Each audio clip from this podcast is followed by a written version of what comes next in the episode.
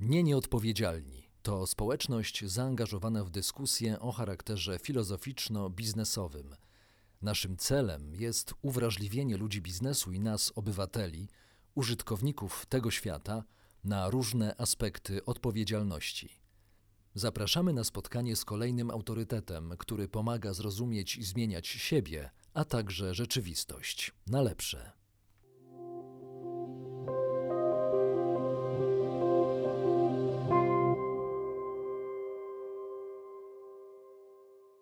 Dzień dobry, witam serdecznie Państwa i zapraszam do rozmowy o handlu ludźmi. W tym temacie będziemy poruszać się razem z moim gościem, a jest nim pani prezes Irena Dawid-Olczyk, współzałożycielka Fundacji Przeciwko Handlowi Ludźmi i Niewolnictwu La Strada i właśnie jej prezeska. Mój gość ukończył Helsińską Szkołę Praw Człowieka. Od ponad 20 lat szkoli policjantów, prokuratorów, sędziów i pracowników socjalnych, a jej zaangażowanie w pracę można mm, odnaleźć chociażby w e, takim uhonorowaniu, jakim jest e, Nagroda Rzecznika Praw Obywatelskich imienia Pawła Włodkowica, której jest laureatką. Pani prezes, dziękuję bardzo za to, że dołączyła Pani do nas. Dzień dobry. Proszę nam powiedzieć, czym jest handel ludźmi? E, o jakiej skali zjawiska możemy mówić u nas w Polsce? Tego dokładnie nie wie nikt. To są zawsze liczby szacunkowe handel ludźmi przynosi zysk roczny rzędu 2,5 miliarda euro e, w Europie i 32 miliardy dolarów w skali świata. Tak, to są szacunki Międzynarodowej Organizacji Pracy. E, I mówi się o półtora milionie ofiar w Europie. E, natomiast ile jest w Polsce, to zależy. Taka ekscentryczna australijska fundacja proponuje 80 tysięcy niewolników w Polsce. Ja myślę, że to jest y, szacunek znacząco zawyżony. Y, standardy są takie, że co 25 ofiara handlu ludźmi w ogóle daje się policzyć, więc y, poruszamy się w jakichś zupełnie ciemnych liczbach. Może to jest kilkanaście tysięcy w Polsce, może więcej. A kogo dotyczy to zjawisko? Myślę tutaj o tym, czy to są kobiety, mężczyźni, dzieci? Y, to zależy od y, rodzaju wykorzystania i to zależy od y, no, części świata. W naszej części Europy dotyczy ono w tej chwili głównie ofiar pracy przymusowej, więc zarówno kobiet, jak i mężczyzn. Y, głównie pracowników migracyjnych, zarówno Polaków, którzy wyjeżdżają za granicę, jak i cudzoziemców, którzy przyjeżdżają y, do Polski. W większym stopniu dotyczy ludzi y, mniej wykształconych. Tak w ogóle to mm, takim drastycznym pytaniem, jak mi się wydaje, jakie mogę zadać w, tej, w, tej, w tym kontekście jest to, czy można obliczyć cenę za człowieka jeśli tak, to e, jak w ogóle to się kalkuluje? No właśnie, jak to wypada?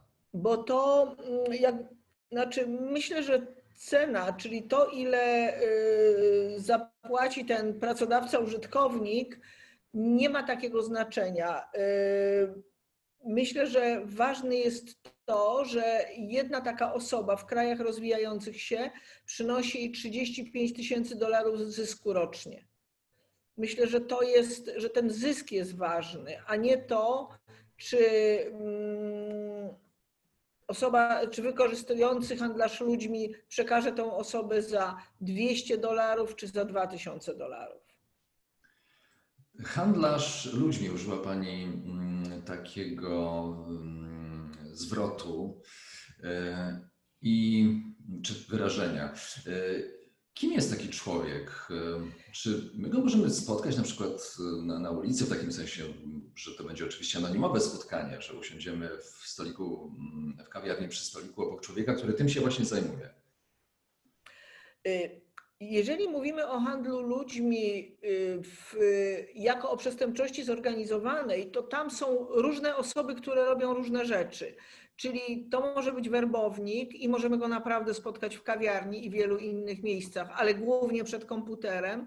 To może być osoba, która organizuje podróż i to może być y, ten, który y, bezpośrednio używa tych ludzi, czyli y, pracodawca, który im nie płaci, który ich wykorzystuje. Ale może to być też właściciel quasi agencji, który wstawia te osoby w leasing do warszawskich restauracji, to jest teraz najbardziej znana sprawa, i po prostu nie płaci im, y, stosuje wobec nich y, metody przymusu i te osoby pracują po 17 godzin dziennie na przykład i nie dostają żadnych pieniędzy. W jakim środowisku działa taki werbownik? Skąd bierze swoje ofiary? Y, są zasadniczo rekrutacja ofiar podzielona jest na takie dwie strategie strategia wędkarza i strategia rybaka. Strategia wędkarza to jest wtedy, jeżeli jakby szuka się właściwej osoby w internecie, na dyskotece, ale też w kolejce po zupę dla bezdomnych. To, to jest bardzo ważne, bo to też, też są osoby, które będą chciały lepszego życia w krótkim czasie i które będą łatwowierne. Typ, i, I ten werbownik, on wybiera tą osobę i nad tą osobą pracuje. To może być parę miesięcy pracy, jeżeli to jest 14-letnia dziewczyna werbowana przez internet, a to może być jedna rozmowa, jeżeli to jest właśnie ten bezdomny w zimny wieczór. Następnie przekazuje, ta osoba jest transportowana, przekazywana do miejsca, gdzie zostanie wykorzystana. Y, I cały czas się pojawiają nowe osoby, które mają rolę w tym, w tym procederze. Y, specyfiką tego przestępstwa jest to, że każda z tych osób będzie ukarana. Każda osoba, która chociaż zdając sobie sprawę, jaki jest cel, kupiła bilet na autobus, ona też będzie częścią tego łańcucha i też usiądzie na ławie oskarżonych. Więc, za, ale jak widać, każdą z tych osób y, możemy spotkać y, w codziennym życiu albo na przykład na portalu dla profesjonalistów. Ostatnio tam właśnie zauważyłam jednego z wytypowanych przez nas sprawców, bo to są też biznesmeni, prawda? Kiedyś był taki tytuł y, Szwalnia jest najważniejsza, y, tytuł w jednej z poczytnych gazet i to była historia człowieka, który nie miał pracowników do swojej szwalni, i sprowadził y, y, osoby z Wietnamu, ale też nie był w stanie im płacić i skończyło się to zamykaniem tych osób, nieubezpieczaniem, nieudzielaniem pomocy medycznej. To jest trochę tak, że można się ześlizgnąć w handel ludźmi, jakby mm, coraz mniej y, zachowując się etycznie. A dokąd jeszcze trafiają ludzie niewolnicy, oprócz tych przykładów, które już padły w naszej rozmowie? To znaczy, wspomniała Pani o restauracji, wspomniała Pani o szwalni, wspomniała Pani o 14-latce, która prawdopodobnie może trafić do jakiegoś domu publicznego, jak, jak się domyślamy. E, czy, czy może Pani nam powiedzieć, no właśnie, do, dokąd trafiają ludzie niewolnicy? To, co się dzieje, y, znaczy właśnie do seks biznesu, różnego typu, ale również to mogą być osoby, które będą przemycać narkotyki, to mogą być osoby żebrzące, to mogą być osoby, które decydują się na sprzedaż narządów. Chociaż takiej sprawy, z tego co pamiętam, w Polsce jeszcze nie było. Ale musimy pamiętać o tym, że ofiary handlu ludźmi, y, one się ujawniają również jako osoby zaginione. I osoba, która zdecydowała się z powodu długów sprzedać nerkę i wyjechała na Bliski Wschód, i tam tak się zdarzy, że pobrane zostaną od niej również druga nerka i inne narządy, i ta osoba nigdy nie wróci. I ona nie będzie wykazana u nas jako ofiara handlu ludźmi, tylko jako człowiek, który zaginął, wyjechał w nieznanym kierunku i zaginął. Czy teraz na bieżąco może nam Pani podać jakiś jaskrawy przykład tego, jak e, wygląda handel ludźmi? No właśnie, spotkała się Pani z, z przypadkiem jej albo jego, e, który jest przypadkiem, nawet mogę powiedzieć, że drastycznym. Czy podpytać o, ten, o tę drastyczność? Wie Pan co, ja z zasady nie, nie podaję drastycznych przypadków, bo y, pojęcie drastyczności w mojej pracy, granica drastyczności jest daleko przesunięta. Tym, co tak mnie zszokowało, to było to, że wiemy o tym, że w momencie, kiedy ofiary się decydują y, zeznawać przeciwko sprawcom, to sprawcy, chcąc zdyskredytować ofiary, często oskarżają je o różne przestępstwa, typu kradzieże i tak dalej. Natomiast doszło do takiej sytuacji, w której człowiek, którego możemy określić jako biznesmena, y, chcąc y, zdyskredytować jedną z osób, które zeznawały przeciwko niemu, że były przez niego wykorzystywane w pracy, oskarżył tą osobę o gwałt na trzynastolatce i oskarżył absolutnie fałszywie. I to spowodowało również to, że ta trzynastolatka musiała składać zeznania i przejść badania po to, żeby wykluczyć prawdziwość tego, y, tego oskarżenia, które od początku było po prostu zupełnie fikcyjne, ale to chodzi o to, że jakby rykoszetem została skrzywdzona bardzo młoda osoba, prawda? Dla mnie to, to dla mnie było bardzo drastyczne. Y, ja oczywiście się spotkałam z y, sytuacjami, w których y, ofiary handlu ludźmi traciły życie. Między innymi wtedy, jeżeli mm, stosowana jest przemoc fizyczna, co aktualnie się zdarza dość rzadko, ale jeżeli taka przemoc jest stosowana w stosunku do jednej osoby w celu przestraszenia całej grupy, to to może być przemoc bardzo brutalna. Poza tym musimy też pamiętać, że ofiary handlu ludźmi są pozbawione pomocy medycznej. I w sytuacji, w której y, no, coś zaczyna się dziać złego z ich zdrowiem, to może być nawet na przykład ciężkie uczulenie, czy też nie dostają leków, to nie będą miały tej pomocy medycznej, tylko po prostu y, no, umrą, prawda? Może tak być, bo to jest, y, no, nie musimy nie, nie musimy uznawać tego za przypadek handlu ludźmi, ale pamiętajmy o, o kobiecie z warsztatu robiącego trumny, która tak właśnie zrobiła, czyli kiedy pracownik zmarł, zamiast wezwać do niego pomoc, doprowadziła, znaczy pozwoliła na to, żeby umarł, a potem wywiozła zwłoki. Tak też może być w stosunku do ofiary handlu ludźmi. Jakie są uwarunkowania psychologiczne, społeczne, że ktoś staje się ofiarą e, handlarzy ludźmi? Są czynniki zewnętrzne, które są niezależne od losu indywidualnego. To jest na przykład historia. To, czy urodzisz się yy, w Wielkiej Brytanii, czy urodzisz się na Kamczatce, to już jakoś cię tam warunkuje. Yy, historycznie kraje, które są biedniejsze, to, że urodzisz się w kraju biedniejszym, gorzej zorganizowanym, kraju, który gorzej dba o swoich obywateli to, że y, zostaniesz y, wychowany w kraju, w którym nie ufasz policji, prawda? I kiedy dzieje się coś złego, nie będziesz y, iść na policję. Tak ma wielu cudzoziemców w Polsce, prawda? Że chociaż w Polsce pójście na policję byłoby bezpieczne, oni tego nie robią, bo w ich kraju to w ogóle nie byłoby bezpieczne. To są takie czynniki zewnętrzne, ale są też czynniki osobiste. To jest tak.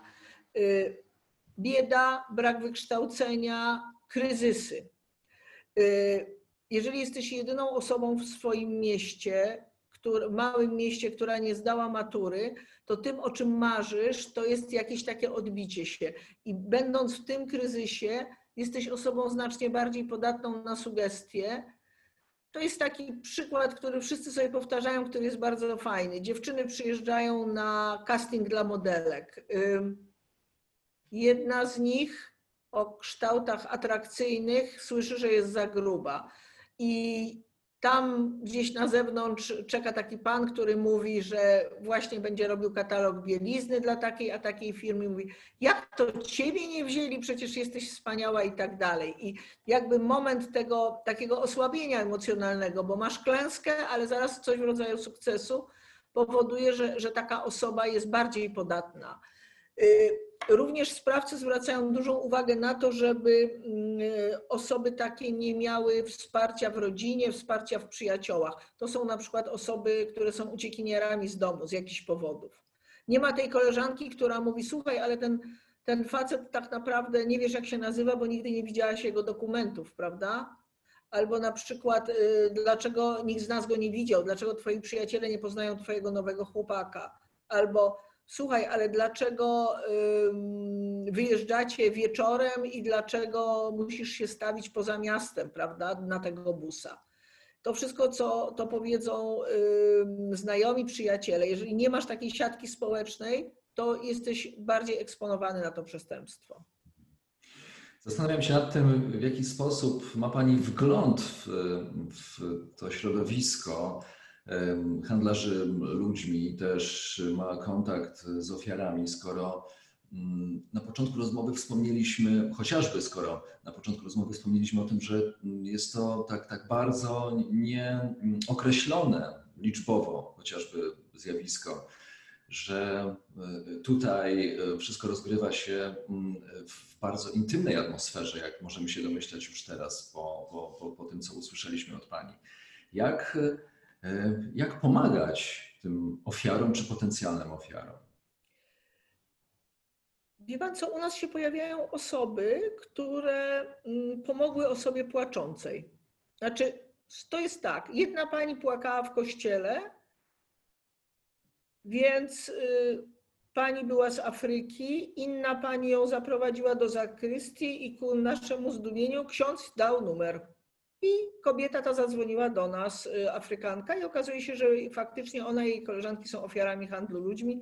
Sprawa jest w sądzie, czyli to już jest bardzo wysoko. Też taka znana sprawa w Warszawie dziewczyny, która um, pracowała u arabskiego dyplomaty i wyszła z płaczem i po prostu nie wiedziała, co ze sobą zrobić, i ktoś się koło niej zatrzymał. No i, i zawiózł ją na policję i zadzwonił też do nas. Więc ludzie dobrej woli.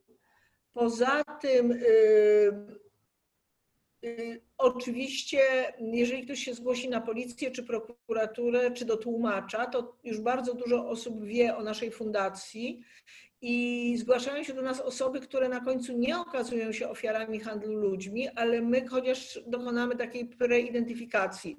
Poza tym mamy taką zasadę, że my nigdy takiej osoby, która nawet nie jest ofiarą handlu ludźmi, nie zostawiamy. Nawet jeżeli nie możemy jej wprowadzić w swoje własne programy, to zawsze znajdziemy inną organizację, która, która się nią zajmie. Więc no, ludzie po prostu do nas y, dzwonią, piszą, mailują, a nawet WhatsAppują. Czy w samej fundacji mm, działają programy, które są ukierunkowane właśnie na pomoc y, i pracownikom z zagranicy w Polsce, i kobietom, które mm, stały się ofiarami seks biznesu? Y, nie wiem, możliwe, że, że, że macie programy, które odnoszą się też do dzieci i młodzieży. To jest tak, y, nie mamy zbyt wielu programów, bo, bo jesteśmy też małą organizacją i, i praca u nas jest bardzo ciężka. Ale od 10 lat udaje się nam wygrać konkurs na Krajowe Centrum Interwencyjno-Konsultacyjne dla Ofiar Handlu Ludźmi. I to jest taki centralny program Ministerstwa Spraw Wewnętrznych dla ofiar handlu ludźmi który finansuje między innymi całodobowy telefon i który finansuje taką najbardziej podstawową e, pomoc dla ofiar. Oprócz tego staramy się różne mniejsze lub większe programy i, i jeżeli ktoś powiedziałabym tylko prawdopodobnie jest ofiarą handlu ludźmi, to już jesteśmy w stanie dać mu taką podstawową pomoc w postaci konsultacji, konsultacji prawnych, psychologicznych, zakwaterowania, pomocy medycznej, pomocy psychologicznej, a przede wszystkim y, takiego doradztwa codziennego. I oczywiście my nie możemy mm, podejmować decyzji za tą osobę, ale y, możemy dostarczyć jej informacji w ramach. Myślę, że prawo do informacji jest jednym z takich bardzo kluczowych praw człowieka. Może to się wydawać dziwne, ale no bez informacji no jesteś jak y, chciałam powiedzieć ślepy w tunelu, ale chyba bym przesadziła. Więc y, my dostarczamy informacji, a ta osoba um, musi sama podjąć decyzję, czy jest zdecydowana zeznawać, czy jest zdecydowana współpracować z policją, czy, pro, czy strażą graniczną. Y, oczywiście no jest to trudne, bo, bo ta osoba poniesie tego konsekwencje, prawda, jakie by one nie były być może wróci do swojego kraju, spotkają ją trudności. Być może osoby, które wolą otrzymywać jedną czwartą pensji niż być bez pracy, będą mm, miały jej za złe, że na przykład to miejsce pracy przestanie istnieć. Też nie możemy tego wykluczyć, ale ona musi podejmować decyzje Tutaj jest tak, że, że mm, staramy się wspierać te osoby, jeżeli to są osoby, które chcą pracować, żeby później miały jakąś inną uczciwą pracę.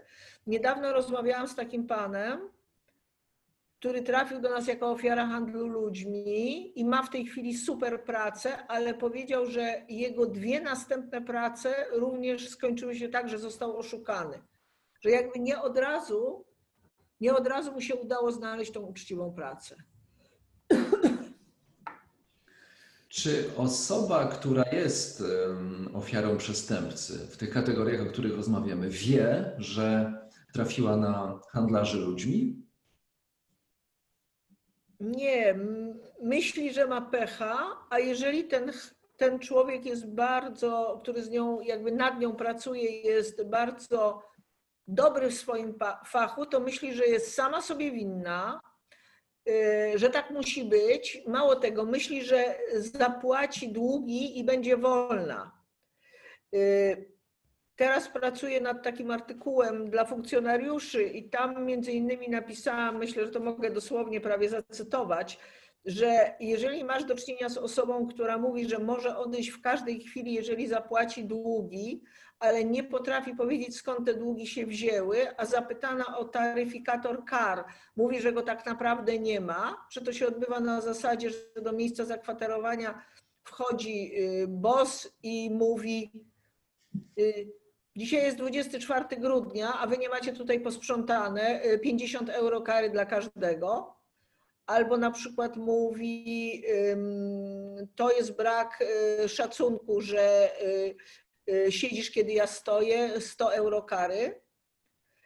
A i tak później to, co musi oddać się jakoś tam, powiedziałabym, nie wynika dokładnie z tych kar nałożonych, no to duże prawdopodobieństwo, że masz do czynienia z handlem ludźmi. Mimo, że to jest tylko fragment, że muszą być spełnione według definicji różne inne przesłanki, ale to jest takie bardzo symptomatyczne.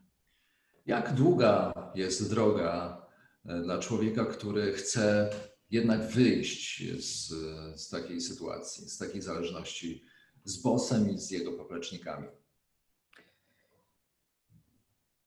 Wyjść to jest moment, ale różne inne konsekwencje trwają długo. Y, Proces przed sądem pewnie trwa 4-5 lat. Yy, proces cywilny trwałby jeszcze dłużej, gdyby ofiary go w jakiś sposób yy, generowały, czyli chciałyby odzyskać swoje pieniądze. Yy, dojście do siebie to zależy od tego, w jakim stopniu było się ofiarą przemocy. Jeśli jest, mamy do czynienia z osobą bardzo młodą, to skutki są najgorsze, dlatego że masz zaburzenia w systemie wartości bo y, ofiara handlu ludźmi może użyć kilku strategii, żeby przetrwać, i niestety jedną z tych strategii to jest y, przyłączenie się do sprawców. Bardzo wielu tych takich szeregowych, powiedziałabym, funkcjonariuszy takich grup przestępczych to są byłe ofiary. To jest awans jest sposobem na, na przetrwanie. I jeżeli coś takiego się dzieje, to jakby powrót do, te, do tego, jak świat powinien wyglądać, trwa kilka lat. Y, również jest tak, że to jest taki okres, kiedy człowiek nie, nie leczy się, więc na przykład mamy do czynienia z osobami, które y, ciężko chorują na serce, mają różne inne przewlekłe choroby. Mamy do czynienia z osobami, które na przykład mieliśmy takiego pana, który sam chorował, a jego żona zmarła w Wielkiej Brytanii. Oboje byli wykorzystywani. Może być tak, że skutkiem tego jest uzależnienie od alkoholu, bo jednym z takich sposobów traktowania ofiar handlu ludźmi jest y, na dobranoc jakieś przeterminowane jedzenie i mocne piwo, które powoduje, że, że taka osoba no, nie myśli o tym, że jest zimno, nie myśli o tym, że się, żeby się buntować, tylko jakoś tam zasypia. No i jeżeli ten alkohol jest tak, nawet jeżeli przedtem nie była uzależniona, to to może spowodować uzależnienie. Też mieliśmy do czynienia z y, kobietami, którym y, podawano w domach publicznych y, amfetaminę, ponieważ to powodowało, że mogły długo i wydajnie pracować. Także te skutki mogą być, mogą być naprawdę długie i to też zależy od tego. Poza tym musimy też pamiętać, o czym zapomniałam powiedzieć, że osoby, które były ofiarami przemocy, łatwiej są jakby łatwymi ofiarami handlu ludźmi i na przykład ten mechanizm, że, że, że, że istnieje przemoc, której się należy poddawać, będzie wtedy utwierdzony. I de facto ta zmiana w życiu to jest tak, że najpierw się działy różne złe rzeczy, potem ta osoba została ofiarą handlu ludźmi, a potem się działy kolejne jeszcze gorsze. I teraz jak wrócisz tą osobę do momentu, kiedy została ofiarą, to tamte wszystkie rzeczy, czyli brak pracy, przemoc, brak przyjaciół, utracenie jakichś dóbr, one nadal będą pracowały. Czyli praca z ofiarą handlu ludźmi nie polega tylko na, na y, niwelowaniu skutków tego czasu złego, ale też trzeba się cofnąć do tego, jakie były przyczyny. Także jest naprawdę długa, a nie każda osoba jest tak zdeterminowana, żeby ją przejść. O, tak bym powiedziała, więc to zależy. Ale są osoby, z którymi pracujemy kilka lat z takimi pozytywnymi skutkami. Teraz jeszcze chciałbym zapytać o profil przestępcy, to znaczy e, kim są, kim są ci ludzie, którzy organizują te, te, wszystkie procedery e, w, w zbiorze handlu ludźmi, jaki też poznajemy dzięki Pani. E, Mam trochę czasu na odpowiedź. Czy płaca? Czy, czy, to jest, czy to przynosi zadowolenie? E, w jakich kategoriach w ogóle takich ludzi należy osądzać? Y, myślę, że pewnej części z tych osób panowanie nad innymi ludźmi przynosi zadowolenie, a część jest po prostu chciwa i nie ma sumienia.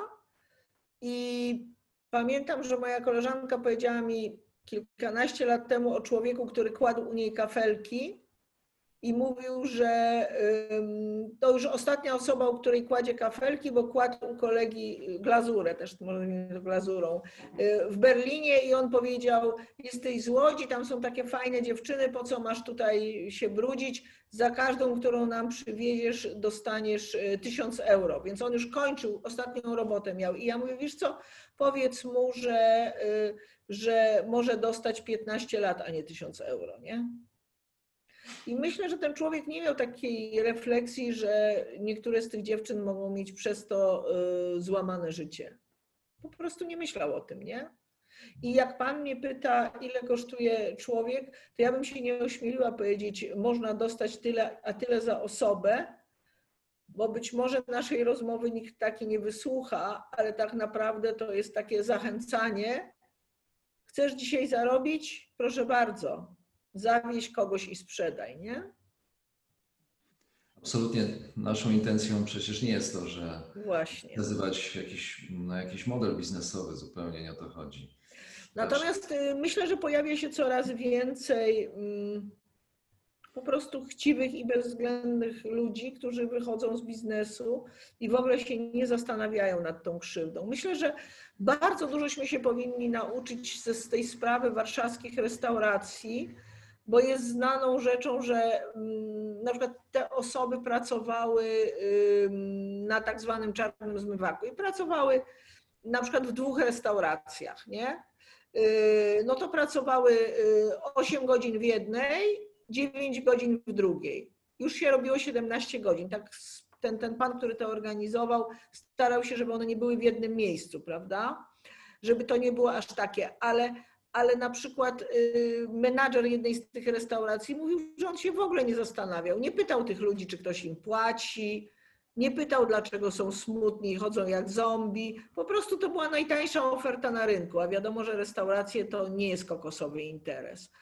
I później, wie pan, y, chcieliśmy, żeby jedna z tych osób rozpoznała tą restaurację. Ona mówi, pracowałam tutaj i tutaj i pokazaliśmy jej wejście, ona tego nie poznaje, ale koleżanka wzięła i przy pomocy Google Maps pokazała jej tylne wejście.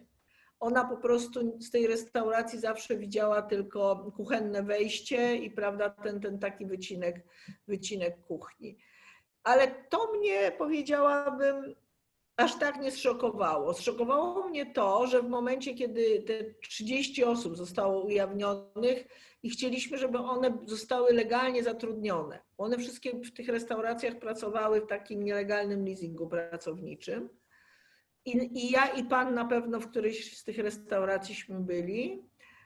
I myśmy tym restauracjom zaproponowali, żeby jakby w drodze takiego zadośćuczynienia, ekspiacji, nie wiem, zatrudniły te osoby legalnie. Napisaliśmy do nich taki list na ten temat. Oni nam po prostu nie odpowiedzieli. I tyle. No tak, i tyle właściwie. E, chyba, chyba nie, nie będę mm, kusił się na to, żeby oceniać etyczną stronę właśnie postępowania przed listem i, i po liście to już nasi odbiorcy e, sami będą mogli wykonać.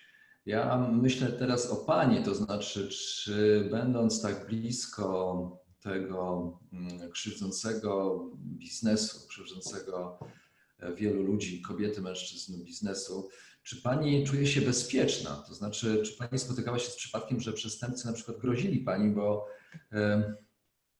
bo, no bo godzi Pani w ich biznes? Wie pan co, mm, mamy bardzo dużo takich zabezpieczeń. Staramy się na różne sposoby. Ostatnio zadzwonił do nas pan i mówił, że ja nie wiem, jak to naprawdę jest. Y, ja pani wcale nie grożę, to często padało. To był pracodawca jednego z naszych klientów. Nie jest naszą rzeczą ściganie przestępców i oskarżanie ich. My tylko umożliwiamy ofiarom skorzystanie z ich prawa do sądu. Czasem jest tak, że ze względów strategicznych o możliwości popełnienia przestępstwa zawiadamia Fundacja La Strada na skutek informacji, które dostaje od ofiar. Ale y, raczej jesteśmy instytucją i różnica między nami a ofiarami handlu ludźmi jest taka, że gdyby ktoś próbował nam grozić, to y, sprawa by się natychmiast znalazła na prokuraturze, więc to się im zwyczajnie nie opłaca. A my staramy się y, zajmować ofiarami, a nie sprawcami. My ich obserwujemy, tych sprawców, troszeczkę tak jak pamięta pan te takie skamienieliny liścia, nie? My te liście już wiele milionów lat nie istnieją, a my oglądamy ślad, więc my oglądamy tego przestępcę jako ślad na psychice ofiary. I naprawdę, y, kiedy po 16 latach y, niespodziewanie y, policja, właściwie Straż Graniczna zatrzymała kogoś, kto, kto 16 lat wcześniej został, znaczy był poszukiwany za handel ludźmi. Przez 16 lat to przyznaję, że, że bardzоśmy się ucieszyli. I to, że on został skazany, wydaje mi się ogromnym sukcesem wymiaru sprawiedliwości, a konkretnie prokuratury w Nowym Sączu. Natomiast my jesteśmy tutaj, nasi pracownicy, głównie to są kobiety, ale nie tylko, jesteśmy skrzywdzeni w inny sposób, że my cały czas mamy obraz tego świata takiego okrutnego i bezwzględnego, że, że my, tak jak wszyscy ludzie, którzy starają się jakoś tam walczyć z szeroko pojętym złem, to my po prostu cały czas patrzymy temu złu w twarz i, i rzadko, i to nie jest, i to jakby to nie jest bez znaczenia dla naszego obrazu świata. I to jest taki koszt, który my musimy wziąć na siebie. I bardziej, bardziej myślę, że to jest taki codzienny koszt niż, niż oczywiście y, strach przed przestępcami. Zresztą w latach 90., y, kiedy przestępczość była bardzo brutalna, no to ten nasz strach też był, był większy ale to są takie drobiazgi, na przykład nie można przyjść do naszego biura, jeżeli się nie jest uprzednio umówionym, nie? Po prostu nie. To kilka takich rzeczy, które, o których wszyscy wiedzą, ale oczywiście to są takie zasłony z papieru bardziej. Natomiast myślę, że po prostu nasze bezpieczeństwo polega na tym, że przestępcom się no, nie opłaca, bo oni cały czas jednak usiłują zaprzeczyć temu, że są przestępcami i, i stwierdzić, że to oni są na przykład biznesmenami, osobami szanowanymi, a mm, ci, którzy ich oskarżają, są e, alkoholikami, przybłędami z dalekich krajów i tak dalej. Właśnie pozycja społeczna ofiary, która jest często dużo niższa od sprawcy, to jest to, co, co chroni sprawca, sprawcę i czym on zawsze będzie grał. I wreszcie y, chciałbym dowiedzieć się, jak pani sądzi, czy zbliżający się kryzys y, y, postkorony, kryzys ekonomiczny, czy będzie miał wpływ na skalę handlu ludźmi? Tak, dlatego że y, handel ludźmi jest sposobem na cięcie kosztów. Y, y, Koszty pracy niewolnika są dużo niższe, ofiary handlu ludźmi. Dlatego tak będzie. I to, co mnie y, na przykład tak zaskoczyło, że zgłosiła się do nas pani z Mongolii, która zażądała umowy o pracę i została przez to wyrzucona z pracy. Wszyscy pracowali bez umowy. I o co ona nas prosiła? Żeby wynegocjować z pracodawcą przyjęcie jej z powrotem. Bo, ale niech pan pomyśli o tym, że ona zadłużyła swoją rodzinę po to, żeby tu przyjechać i żeby tej rodzinie przysyłać pieniądze. I jeżeli ona nie będzie miała innej pracy, to co ona przyśle tej rodzinie i jak ta rodzina spłaci długi? I dla niej priorytetem jest dostawanie jakichkolwiek pieniędzy. I to jest takie podglebie właśnie pod handel ludźmi i pod wszelkiego typu wykorzystywanie pracy.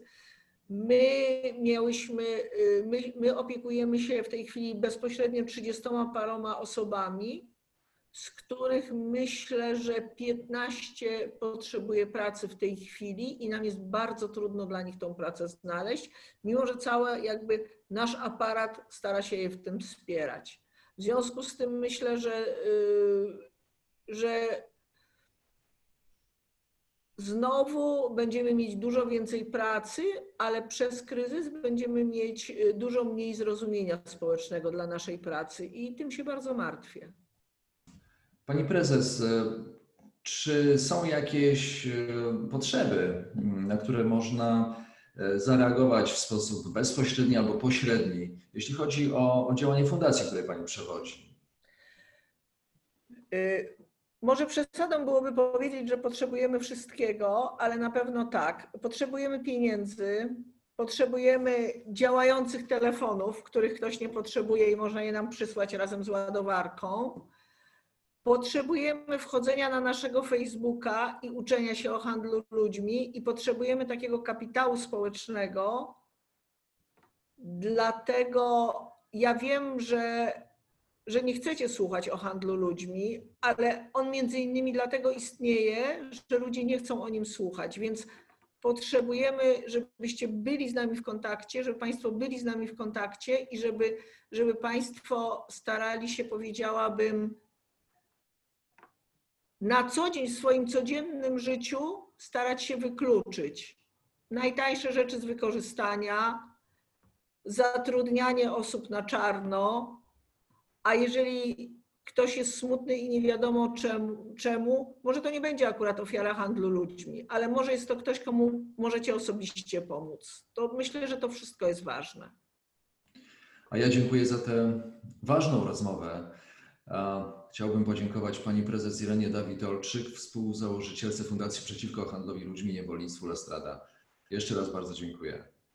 Dziękuję bardzo.